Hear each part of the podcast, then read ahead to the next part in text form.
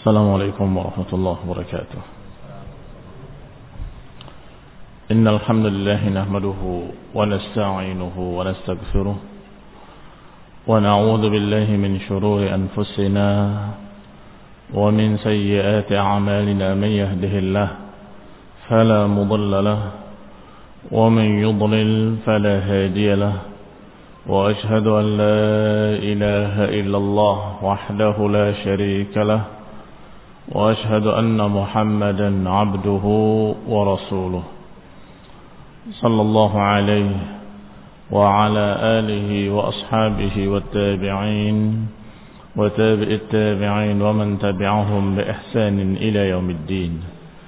يا أيها الذين آمنوا اتقوا الله حق تقاته ولا تموتن إلا وأنتم مسلمون. يا أيها الناس اتقوا ربكم الذي خلقكم من نفس واحدة وخلق منها زوجها وبث منهما رجالا كثيرا ونساء واتقوا الله الذي تساءلون به والأرحام إن الله كان عليكم رقيبا يا أيها الذين آمنوا اتقوا الله وقولوا قولا سديدا يصلح لكم أعمالكم ويغفر لكم ذنوبكم ومن يطع الله ورسوله فقد فاز فوزا عظيما. أما بعد فإن خير الحديث كتاب الله وخير الهدي هدي محمد صلى الله عليه وعلى آله وسلم. وشر الأمور محدثاتها فإن كل محدثة بدعة وكل بدعة ضلالة وكل ضلالة في النار Ikhwani Fiddin, A'azakumullah kaum muslimin yang saya hormati Ibn Qayyim rahimahullah Dalam kitabnya Yaqatatul Lahafan Masih berbicara tentang Ashabul Wiswas Di antara bentuk godaan syaitan Adalah memasukkan rasa was-was pada kaum muslimin Sehingga mereka merasa kurang Dengan hanya menjalankan sunnah-sunnah Nabi mereka merasa perlu menambah dengan tambahan-tambahan dari diri mereka sendiri. Apakah dalam taharah atau dalam salatnya ataupun dalam perkara-perkara lain. Tetapi mereka memiliki satu alasan. Yang Ibnu Qayyim rahimahullah membawakan alasan-alasan mereka berikut ini. Di antara alasan mereka adalah al-ihtiyat, kehati-hatian. Qala rahimahullah berkata Ibnu Qayyim rahimahullah, qala ashabul wiswas. Berkata golongan mereka-mereka yang dikuasai oleh rasa waswas. Innama hamalna ala dzalika al-ihtiyat lidinina. Sesungguhnya kami yang mendorong kami untuk berbuat seperti itu adalah kehati-hatian dalam agama kami. Wal amal biqaulihi sallallahu alaihi wa ala alihi wasallam. Dan dalam rangka beramal dengan hadis Rasulullah SAW da'ma yaribuk ila ma yaribuk da'ma yaribuk ila ma la yaribuk tinggalkan yang meragukan kamu kepada apa yang tidak meragukan kamu dan juga mempraktikkan hadis Rasulullah SAW man ittaqa syubuhat faqad istabra'a li'irdihi wa dinihi aw dinihi wa 'irdihi Barang siapa yang menghindari perkara-perkara syubhat, maka dia telah membebaskan agamanya dan kehormatannya. Atau telah menjaga agamanya dan kehormatannya. Dan juga melaksanakan hadis Rasulullah SAW. Al-ithmu ma'haka fis sadri. Yang namanya dosa adalah apa yang menggelisahkan hati. Hadis-hadis ini hadis-hadis sahih. Dan mereka beralasan dengan dalil-dalil ini Kemudian menyatakan maka kami berhati-hati meninggalkan yang ragu kepada yang tidak ragu. Meninggalkan yang syubhat kepada yang meyakinkan. Qala ba'du salaf kata mereka berkata para ulama salaf al-ithmu qulub. Yang namanya dosa adalah hurul qulub. Sesuatu yang membuat hati tidak tenang. Wa qad wajada an-nabiy sallallahu alaihi wa ala alihi wa salam tamratan faqala. Dan Nabi sallallahu alaihi wa ala alihi wasallam pernah menemukan sebuah korma kemudian beliau bersabda, "Laula anni akhsha an takuna min as-sadaqah la akaltuha." Kalau saja aku tidak khawatir bahwasanya korma ini dari korma sedekah, niscaya akan aku makan korma ini. Berarti tidak dimakannya korma itu oleh Rasulullah sallallahu alaihi wa wasallam ihtiyatan. Karena kehati-hatian beliau dikhawatirkan korma itu dari korma sedekah. Afala yara annahu taraka akluha ihtiyatan? Tidakkah mereka melihat bahwa Rasulullah SAW tidak memakannya karena kehati-hatian? Ini alasan mereka. Dan masih panjang alasan-alasan mereka dan dibawakan oleh Ibnu Qayyim rahimahullah semuanya. Dan nanti kemudian di akhirnya akan dijawab semuanya. Masih alasan mereka. Waqad afta Malik rahimahullah fi man talaqa imra'atahu wa syakka. Dan Imam Malik pernah berfatwa katanya bahwasanya siapa yang mentalak istrinya kemudian dia ragu hal hiya wahidatun am thalathah apakah saya sudah mentalaknya satu atau talak tiga? Barang siapa yang ragu satu atau tiga, qala bi annaha thalathah, maka jatuh talak tiga. Kenapa? Kehati-hatian, ihtiyatan. Daripada kita tentukan satu ternyata tiga, lebih baik tiga ternyata satu. Qanabidina ihtiyatan lil furuj dalam rangka kehati-hatian dalam perkara yang berkaitan dengan kemaluan. Wa afta man halafa inna fi hadhihi al-lawzah habbataini wa huwa la ya'lam dalik. Demikian pula siapa yang bersumpah dengan talak. Saya bersumpah kalau tidak benar ucapan saya istri saya cerai. Bahwasanya di dalam buah ini ada dua biji. Wa huwa la ya'lam dalik padahal dia tidak tahu apa isinya. Satu biji atau dua biji. Fabana al-amru kama halafa alaih. Maka kalau terbukti seperti apa yang dia sumpahkan, maka dia tetap melanggar sumpah li'annahu halafa ala ma la ya'lam karena dia bersumpah dengan apa yang dia tidak tahu, cuma menebak-nebak saja. Maka dikatakan tetap jatuh talak pada istrinya. Karena dia bersumpah dengan sesuatu yang dia tidak punya ilmu. Karena tidak ada yang alim ghaib. Wa qala fi man talaqa wahidah min nisaihi thumma unsiyaha. Demikian pula difatwakan oleh madhab Malikiyah. Siapa yang mencerai salah satu istrinya dari beberapa istri-istrinya, kemudian lupa yang saya ceraikan yang mana, yang ini, yang itu atau yang sana. Dia punya empat istri, dia ceraikan salah satunya, kemudian dia lupa yang mana yang diceraikan. Qala yutallaq alaihi jami'i nisa'ihi ikhtiyatan. Maka diceraikan atau jatuh talak pada empat-empatnya. Kenapa empat-empatnya jatuh? Ihtiyatan. Kehati-hatian katanya. Daripada saya katakan si fulanah yang saya cerai. Kemudian saya uh, membangun rumah tangga sama yang ini. Ternyata ini yang dicerai. Maka saya zina.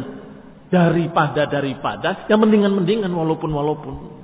Artinya daripada susah lebih baik saya anggap semua empat-empatnya dicerai.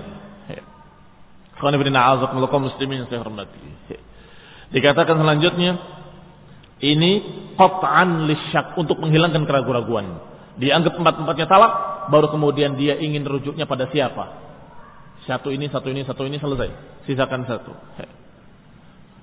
Wa qala ashabu Malik fi mahalaha bi yaminin Juga berkata para ulama dari madhab Malikiyah terhadap orang yang bersumpah dengan satu sumpah.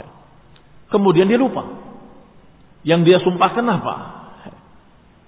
Dan kalau melanggar apa akibatnya?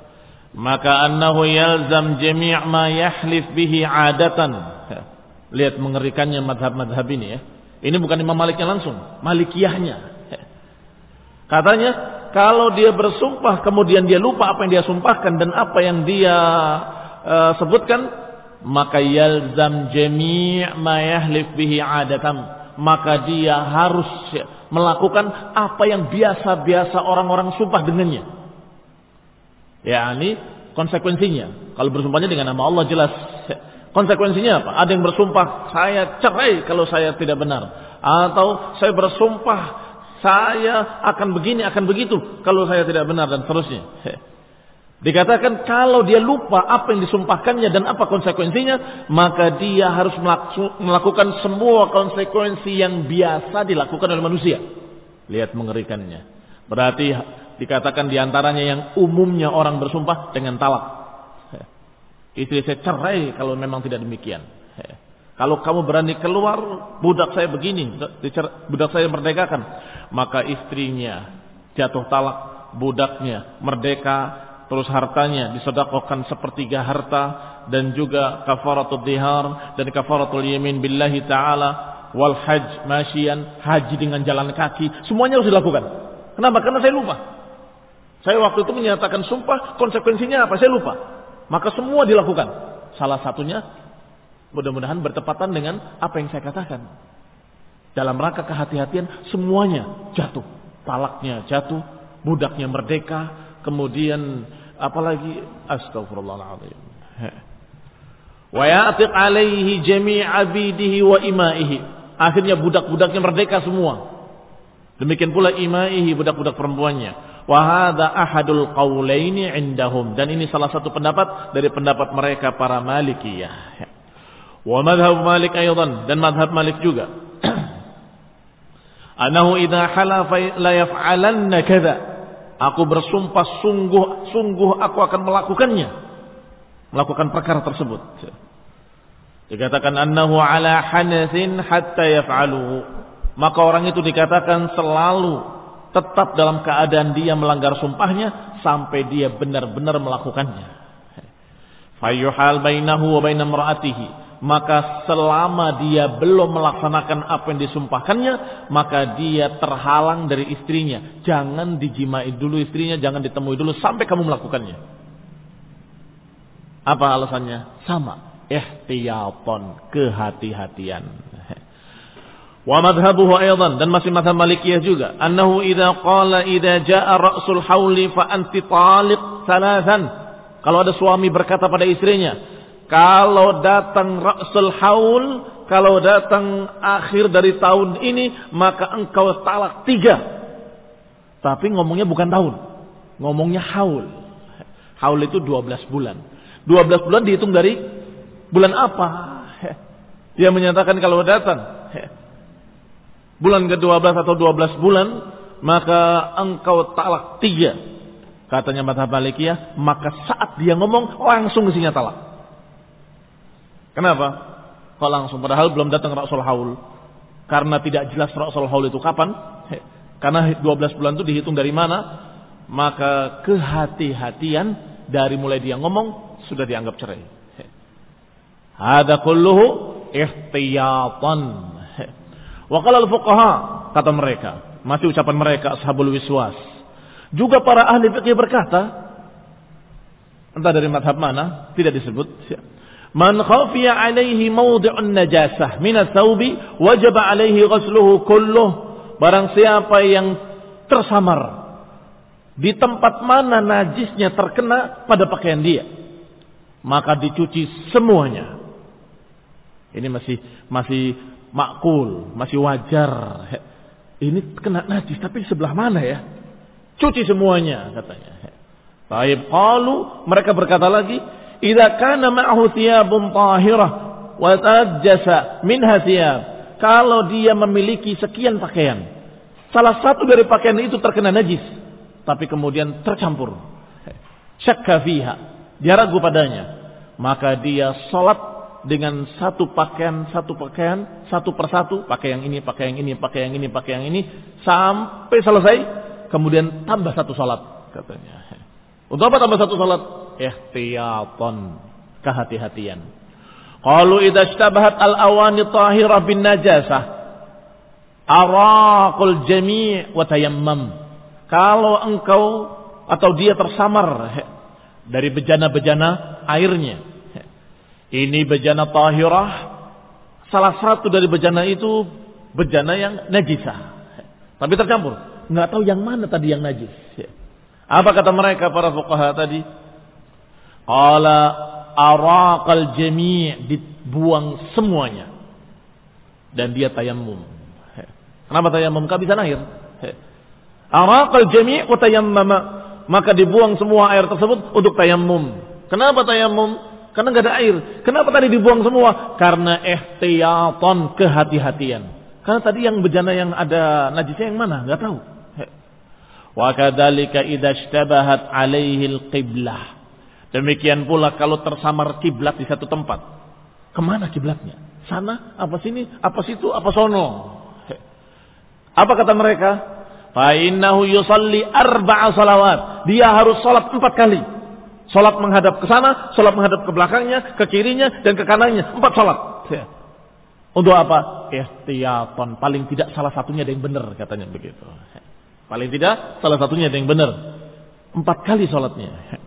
Litabra azimmatuhu biyaqin. Agar terbebas tanggung jawabnya secara yakin, kata mereka. Qalu, mereka berkata lagi. Man taraka salah min yaumin thumma nasiyaha. Wajib alaihi an yusalli khamsa salawat. Ada orang yang belum sholat, terus lupa. Kemarin itu saya ada yang belum sholat. Tapi lupa apa sholat zuhur, apa sholat asar, apa sholat maghrib. Atau sholat isya barangkali. Saya lupa. Pokoknya salah satu sholat saya belum kerjakan. Apa kata mereka? Qalu sholla khamsa salawat. Dia harus sholat empat kali, uh, lima kali sholat. Dalam bentuk lima macam sholat. Sholat yang seperti sholat maghrib sekali, seperti sholat asar sekali, seperti sholat isya sekali, seperti sholat semuanya lima kali. Kenapa? Karena nggak tahu yang mana, maka kerjakan lima-limanya. Alasannya sama. Ihtiyatan. Kehati-hatian. Qala Waqad amara Nabi sallallahu alaihi wa ala alihi wasallam man syakka fi salati an yabdi 'ala al-yaqin.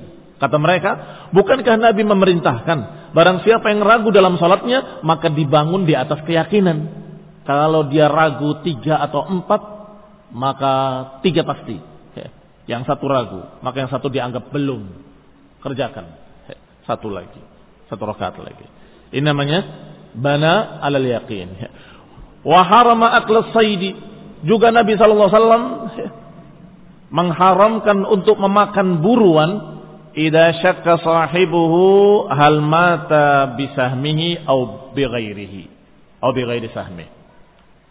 Juga diriwayatkan bahwa Nabi SAW melarang untuk memakan buruan kalau ternyata ketika kamu melihat buruan itu ada panah orang lain, bukan panahmu.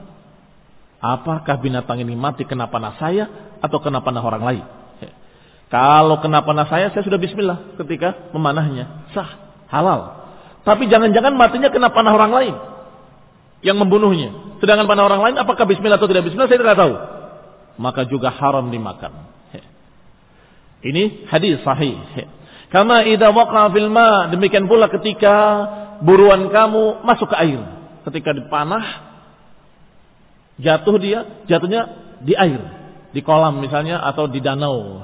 Kamu ambil buruan tadi mati. Aduh. Apakah matinya kena panah saya atau kena tenggelam? Ini pun sama, secara hadis disebutkan tidak boleh dimakan. Mereka mengambil dari riwayat ini berarti Rasulullah SAW melarang sesuatu yang meragukan. Ini ragu, jangan dimakan. Ini ragu, jangan dimakan. Ini ragunya karena ada panah orang lain yang belum tentu bismillah. Yang ini ragunya karena masuk ke air. Apakah matinya kena panah saya atau kena air? Wa harama akluhu idza khalata kalbuhu kalban akhar. Demikian pula kasus ketiga yang juga dalam hadis. Kalau kamu ketika melepaskan anjing pemburumu, Bismillah.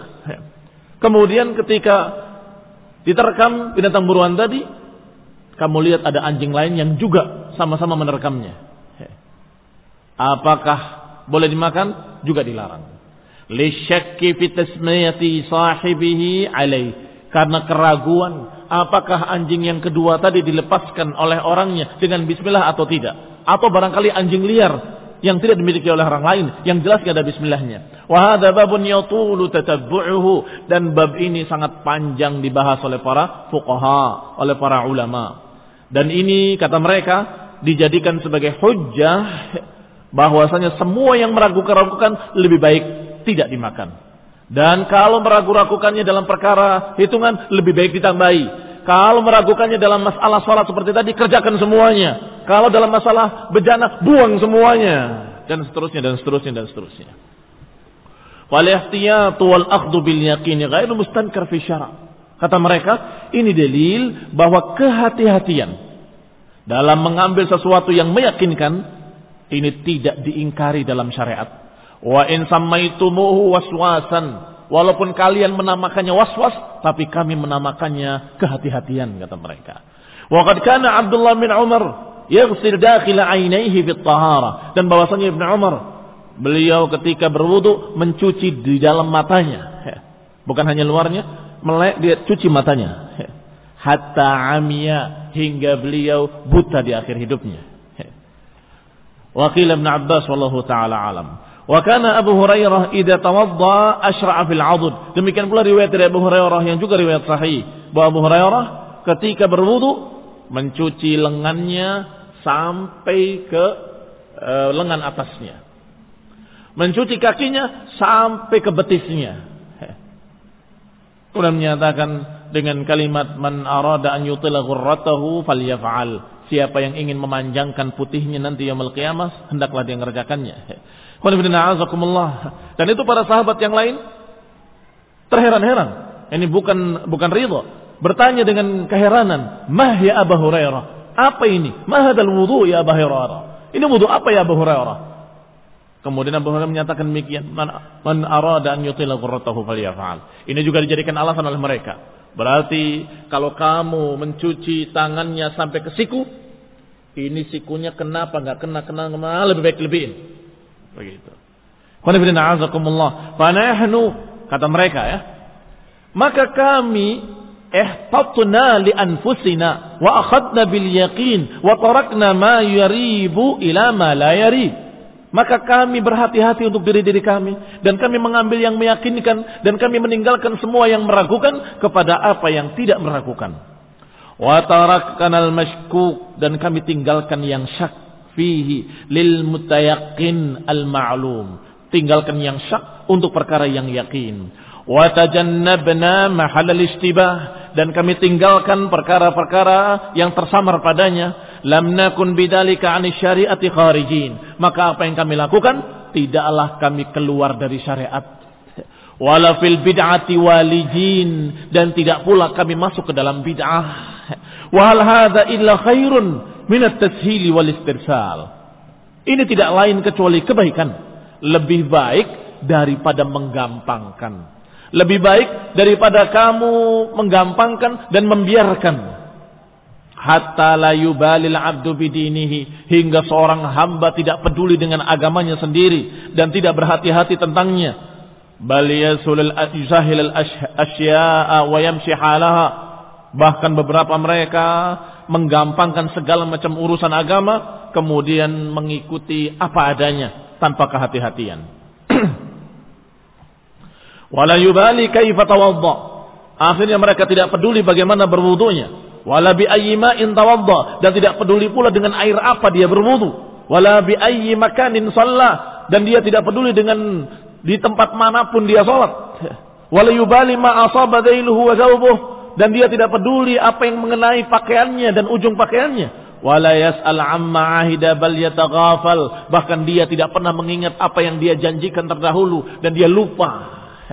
Dan dia melalaikannya. Wa kemudian berbaik sangka fahuwa muhmil lidinihi. Orang yang seperti ini tentunya adalah orang yang melalaikan agamanya sendiri. La yubali ma dan tidak peduli dengan apa yang ragu. Wa yahmil umur ala tahara dan menganggap segala perkara adalah suci. Warubama kanat afhasun najasah. Bahkan bisa jadi dia terjerumus ke dalam najis yang paling jeleknya najis. Dan menganggapnya tohara. Menganggapnya suci. Wa yadkhul bisyakki wa yakhruj bisyak. Akhirnya dia masuk dengan keraguan, keluar dengan keraguan, mengerjakan dengan keraguan, meninggalkan dengan keraguan. Fa aina hadza mimman istaqsa fi fi'li ma amara bih? Apa bandingnya orang yang seperti ini yang tidak peduli, menggampangkan, mengentengkan seenaknya nggak peduli dengan orang yang berhati-hati, yang istaqsa fi fi'li ma amara bih, yang berupaya untuk mentepati atau menepati semua yang diperintahkan. Wajtahada fi dan bersungguh-sungguh padanya hatta la yakhlu bi syai'in minhu, hatta la yakhil bi syai'in minhu sampai tidak cacat, tidak rusak sedikit pun. Wa in zada 'ala al-ma'mur fa inna ma qusida bi ziyadati takmilul umur. Kalaupun ada tambahan pada apa yang diperintahkan, maka tambahan-tambahan tadi hanya sekedar penyempurna kata mereka. Kalaupun ada tambahan, hanya sekedar takmilul umur, penyempurna. Wa an la yanqus agar tidak kurang. Yani kaidahnya seperti kaidah-kaidah orang Indonesia. Daripada kurang lebih baik lebih. Ini kaidah nggak bisa dipakai dalam fikih. Kenapa? Dalam fikih lebih baik tepat, jangan kurang, jangan lebih. Lebih baik tepat, jangan kurang, jangan lebih. Kalau ada kalimat daripada kurang, lebih baik lebihin. Ini bahaya. Pada satu perkara bisa dibenarkan, pada perkara lain tidak bisa. Ya ini pada perkara lain atau pada perkara yang bisa seperti sodako. Kita mau sodakoh berapa saja boleh silahkan. Sehingga kalau kamu bersodakoh dengan satu sodakoh. Kemudian kamu lebih. Ini zakat saya. Tapi daripada daripada mendingan mendingan. Nah, sudah saya tambahin. Ini masih masih sah. Kenapa? Lebihnya sodakoh. Boleh saya sodakoh berapapun. Tapi kalau berbicara masalah fikih seperti tadi. Masalah bilangan uh, bilangan-bilangan puasa, rakaat dan sebagainya yang kemudian mereka para ulama membahasnya masalah najasah masalah berwudu masih ada pro dan kontra, masih ada perselisihan di kalangan para ulama yang panjang lebar di sana. Nanti akan dibahas. Baik. Kita kembali kepada ucapan mereka lagi. Kalau mereka berkata, Wa juma'u ma yunkirunahu alaina ihtiyat fi fi'li ma'mur. Dan apa atau seluruh apa yang mereka salahkan kami Sesungguhnya kami hanya berhati-hati dalam mengerjakan perkara. Awihtiyatun fijtina bimahdur. Atau kami berhati-hati dalam menghindari sesuatu. Yang kalian bantah sesungguhnya kehati-hatian kami. Kami berhati-hati dalam mengerjakan. Dalam berhati-hati pula dalam menghindari sesuatu. Wadhalika khairun wa ahsanu aqibah. Dan itu lebih baik. Lebih baik daripada minat tahawun bihadain. Daripada kita menggampang-gampangkan mengentengkan. Fa innahu yufdi ghaliban ila naqsi minal wajib.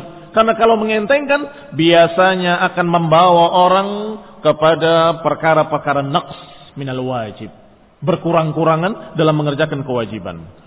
Wadukhul bil muharram dan biasanya yufdi ila dukhul bil muharram. Biasanya membawa menjerumuskan seseorang untuk masuk ke dalam yang haram. Kalau mengenteng-entengkan. Maka lebih baik berhati-hati daripada mengenteng-entengkan.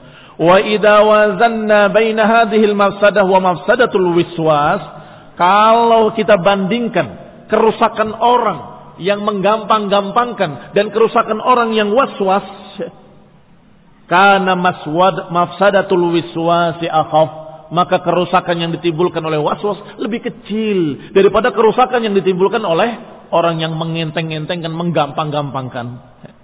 Hada in sa'adnakum ala tasmiyatihi wiswasan. Itu kalau kami terima, kami bantu kalian dengan istilah yang kalian sebut waswas.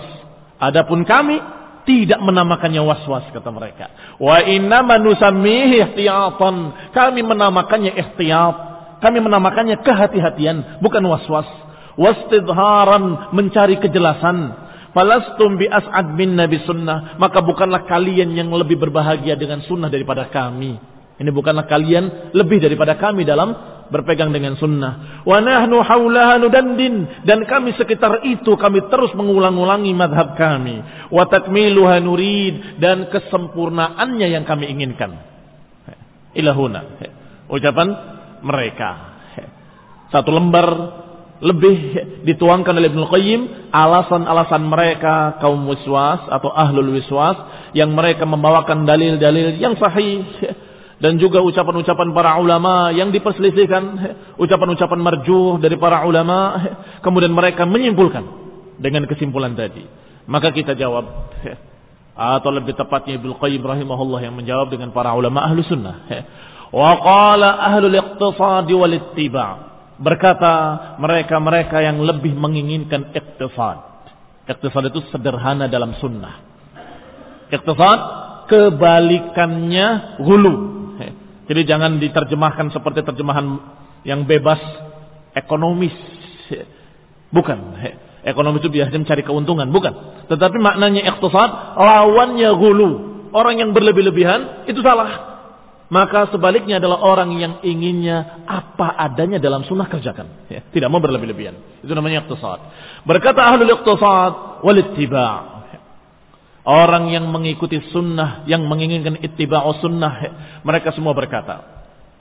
Qala Allah Ta'ala, mereka membawa dalil pertama dengan dalil ayat Allah Subhanahu wa taala, "Laqad kana lakum fi Rasulillahi uswatun hasanah liman kana yarjullaha wal yawmal akhir." Sungguh telah ada untuk kalian contoh teladan yang baik pada diri Rasulullah sallallahu alaihi wa ala alihi wasallam. Bagi siapa yang mengharapkan Allah dan hari akhir ini dalil untuk meneladani Rasulullah SAW. Yang kedua, Qul in kuntum Allah fattabi'uni yuhibbukum Allah. Katakan jika kalian cinta kepada Allah, ikuti aku.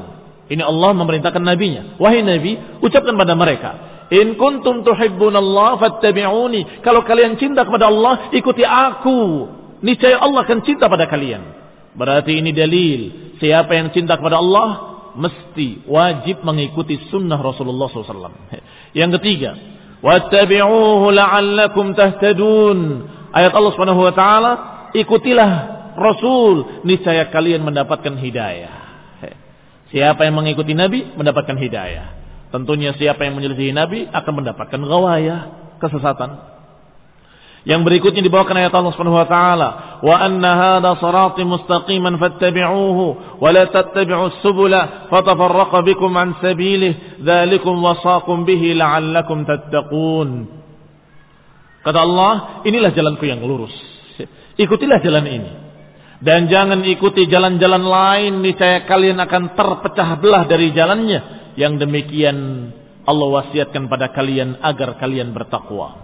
Kata kata mereka yang mengikuti tiba atau yang menginginkan untuk mengikuti sunnah, hada sirat al-mustaqim alladhi wasana bittiba'ihi huwa sirat alladhi kana alaihi Rasulullah.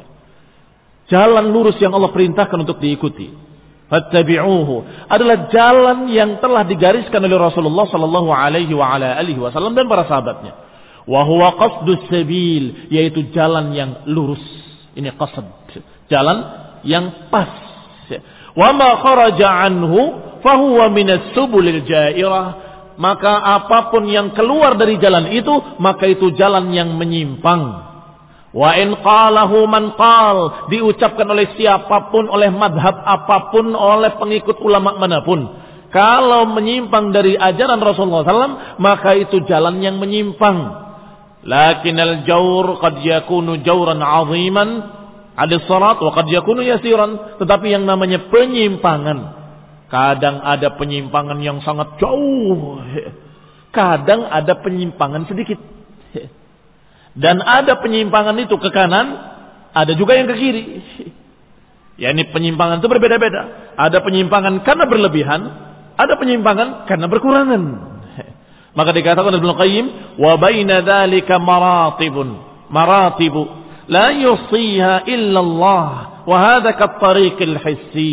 dan di antara keduanya ada sekian banyak tingkatan-tingkatan yang tidak bisa dihitung kecuali oleh Allah Subhanahu wa taala. Yani ada yang penyimpangan sangat besarnya, ada penyimpangan yang sangat ringannya. Di antara keduanya ada yang ringan, agak berat, agak berat, agak berat, agak berat, tambah berat, tambah berat, tambah berat terus sampai yang paling berat. Berapa tingkatan antara keduanya? La yusiha illallah. Tidak bisa menghitungnya kecuali Allah Subhanahu wa taala. Maka dikatakan oleh Muqayyim kattariqil hissi, sama seperti jalan-jalan yang kita kenal dalam jalan yang nyata.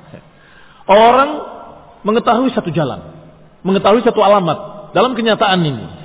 Kemudian menjalani jalan itu. Ada yang tepat melihat alamatnya, maka dia berhasil sampai ke tujuannya. Ada pula yang ya'dil, qad ya'dil anhu wa yajur jawran fahishan. Ada orang yang menyimpang dengan penyimpangan yang jauh. Disuruh ke timur, dia ke barat. Disuruh ke depan, dia malah ke belakang. Ini bertolak belakang 180 derajat. Ini jauran aziman. Penyimpangan yang sangat jauh. Jauran fahishan. Wa qad yaju, yajuru duna dhalik. Kadang-kadang menyimpang sedikit dia harusnya ke kanan, dia tidak ke kanan tetapi lurus. Atau dia ke kanan, ini ke kanan banget, harus ke kanan sedikit saja. Akhirnya kejauhan. Fal mizanul ladzi yu'raf bihi al-istiqamah 'ala at-tariq wal jawr anhu huwa ma kana Rasulullah sallallahu wa ashabuhu alaihi. Maka dalam jalan yang maknawi dalam jalan yang bukan jalan hissi, yakni jalan agama, maka ukurannya siapa yang lurus dan siapa yang bengkok, siapa yang menyimpang dengan penyimpangan jauh atau penyimpangan yang dekat atau penyimpangan sedikit, apa ukurannya? Apa mizannya? Mizanuhu alladhi yu'raf bilihi istiqamah yang bisa dikenal dengan ukuran itu siapa yang lurus siapa yang bengkok adalah apa yang dikerjakan oleh Rasulullah sallallahu alaihi wa ala alihi wasallam. Itu ukurannya. Selama dia tepat dengan Rasul, orang itu benar. Tetapi kalau dia tidak tepat dengan apa yang dikerjakan oleh Rasulullah, maka dia jauh. Ada jauran aziman, ada jauran khafifan, ada penyimpangan ringan, ada penyimpangan berat. Pokoknya kalau tidak sama dengan Nabi, penyimpangan. Kalau kelebihan bagaimana? Penyimpangan. Kalau kekurangan bagaimana? Juga penyimpangan. Kalau ditambah bagaimana? Penyimpangan. Kalau dikurangi juga penyimpangan. Karena itu mizannya, itu sebagai barometernya, sebagai alat ukurnya adalah sunnah Rasulullah Sallallahu Alaihi wa ala alihi Wasallam. Maka dikatakan di sini wal jair yang namanya menyimpang imam mufarrid zalim bisa jadi karena berlebihan dan zalim. Atau mufarrid zalim adalah orang yang berkurang-kurangan dan zalim. Atau mujtahidun muta'awil atau orang yang bersungguh-sungguh kemudian menakwil-nakwilkan dan menambah-nambahi. Atau bentuk ketiga muqallidun jahil orang yang taklid bodoh. Taklid buta. Penyimpangannya bisa jadi karena orang itu memang zalim. Sehingga mengentengkan, meninggalkan perintah dan seterusnya. Yang kedua, ada yang bersungguh-sungguh pengen ibadah, pengen cocok dengan Nabi tapi sayang. Muta'awil menafsirkan seenaknya sendiri. Menyelewengkan seenaknya sendiri, maka dia menyimpang. Karena bentuk yang kedua, mujtahidun, dia seorang mujtahid sesungguhnya, tapi muta'awil menafsirkan seenak perutnya. Au muqallidun jahil. Yang ketiga menyimpang karena dia muqallid, taklid. Pokoknya apa kata fulan, pokoknya apa kata mata fulan, pokoknya saya syafi'i, pokoknya saya maliki, pokoknya saya hanabi, pokoknya saya hambali. Faminhumul mustahiq lil uqubah. Maka penyimpangan-penyimpangan tadi ada yang memang pantas untuk dihukum. Ada yang pantas untuk dihukum. Tetapi ada pula di antara mereka yang pantas untuk diampuni. Kenapa? Beda-beda. Ada yang sengaja zalim, jahat memang, merusak agama. Tetapi ada yang bodoh, kasihan. Pengennya baik. Tetapi karena bodoh, menyimpang. Bisa jadi orang ini maghfur, diampuni. Wa minhumul ma'jur. Bahkan ada yang dapat pahala. Menyimpang tapi dapat pahala. Kenapa? Karena dia beristihad dan dia punya perangkatnya untuk beristihad. Tetapi saat itu istihadnya salah. Man ijtahada fa'asab falahu ajrani. Siapa yang bersungguh-sungguh beristihad kemudian dapat kebenaran, maka dia mendapatkan dua pahala. Tetapi siapa yang ijtahada, ijtahad al-hakimu fa'aqta falahu ajrun wahid. Siapa yang bersungguh-sungguh beristihad dengan ilmunya, dengan perangkat yang dia punya, kemudian dia salah, maka dia mendapatkan satu pahala. Tetapi ingat ucapan pertama tadi. Yang namanya menyimpang tetap menyimpang. Atau yang namanya salah tetap salah. Siapa yang tidak sama dengan ajaran sunnah Nabi, maka dia salah. Loh tapi dia mujtahid. Berarti dia mujtahidun mukhti. Dapat satu pahala. Tapi tetap kita katakan pendapatnya salah. Imam Malik rahimahullah keliru. Semoga Allah mengampuni beliau. Mudah-mudahan dia mendapatkan pahala dengan ijtihadnya. Jadi jangan dianggap ketika kita membantah atau menyalahkan pendapatnya para ulama dikatakan kita memusuhi mereka atau mengatakan mereka ahlul bidah bukan. Tetapi yang namanya orang keliru menyimpang dari sunnah atau menyelisihi sunnah bisa jauh bisa dekat. Bisa jauran aziman, bisa pula jauran yasiran. Dan di antaranya para ulama yasir, ringan, mereka beristihad keliru. Mereka bersungguh-sungguh beristihad, kemudian salah. Falahu ajrun wahid. Ada yang dapat dosa, ada yang mendapatkan ampunan, dimaafkan, ada yang dimaklumi, ada yang bahkan dapat pahala, tapi satu pahala, yaitu para mujtahid. Bihasbi niyatihim wa maqasidihim ta'atillah. Sesuai dengan niat-niat mereka, sesuai dengan tujuan-tujuan mereka, sesuai dengan istihad-istihad mereka dalam ketaatan kepada Allah dan dalam ketaatan kepada Rasulnya alaihi salatu. Dan sesuai pula dengan keadaan mereka kalau ternyata sebaliknya. Tafritihim, wa jawrihim, wa zulmihim. Kalau ternyata mereka adalah tafrit, orang yang mengentengkan, mengabaikan, meninggalkan, membalimi, merubah dengan sengaja dan seterusnya, maka tentunya mereka mendapatkan azab dari Allah Subhanahu wa taala. Wa nasuq min hadi Rasulullah SAW dan kita akan sebutkan bimbingan-bimbingan Rasulullah SAW dalam masalah yang sedang kita bahas. Ini baru mukaddimah bahwasanya yang namanya penyimpangan banyak macamnya. Jangan dianggap kalau ulama kemudian tidak mungkin salah. Bisa saja keliru, tetapi dalam bentuk yang istihad atau mujtahidun mukhti. Beristihad tapi keliru. Maka mereka mendapatkan satu pahala, tapi kita tetap menyatakan pendapatnya salah dan jangan diikuti. muslimin saya hormati. Kita akan lanjutkan insyaallah ucapan Ibnu Qayyim yang masih ada satu dua halaman lagi dalam meluruskan apa yang dijadikan alasan oleh mereka dengan alasan ihtiyat. Nasallahu taufiq wal afiyah. Subhanakallahumma bihamdik asyhadu an la ilaha illa anta astaghfiruka wa atubu ilaik. Warahmatullahi wabarakatuh.